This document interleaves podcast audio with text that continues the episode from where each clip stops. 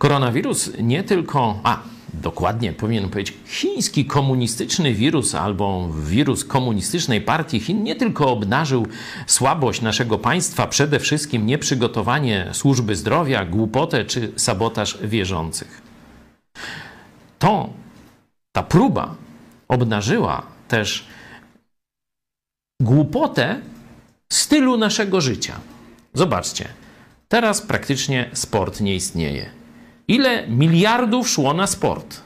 Ile czasu ludzie spędzali w ten sposób, emocjonując się różnymi rzeczami. Sportowcy, ci szczególnie z dyscyplin popularnych, jak piłkarze e, czy jakieś pokrewne e, dziedziny, no byli wręcz jak gwiazdy zarabiające miliony dolarów. Teraz pies z kulawą nogą nawet nie obsika im nogawki. Nie ma tego, nie? Podobnie wielkie gwiazdy filmowe, całe Hollywood się zapadło. Warto pomyśleć, czy to rzeczywiście są nieodzowne dziedziny naszego życia? A zobaczcie, jednocześnie, na przykład już w Europie Południowej, gdzie zaczęły się zbiory, czy w Niemczech szparagi, nie ma ludzi do roboty. Nikt nie chce się schylić i podnieść z ziemi tego, co się urodziło. Bo wielcy panowie byli przyzwyczajeni, że niewolnicy z Polski, z Rumunii czy z Afryki przyjadą i im wyzbierają. Wow, teraz nie ma.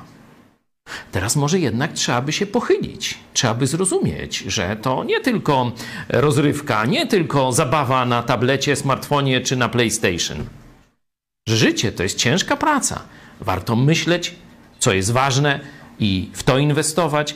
Warto te rzeczy, które są nieważne, odrzucać albo przenosić je na jakiś tam koniec naszej listy zadań.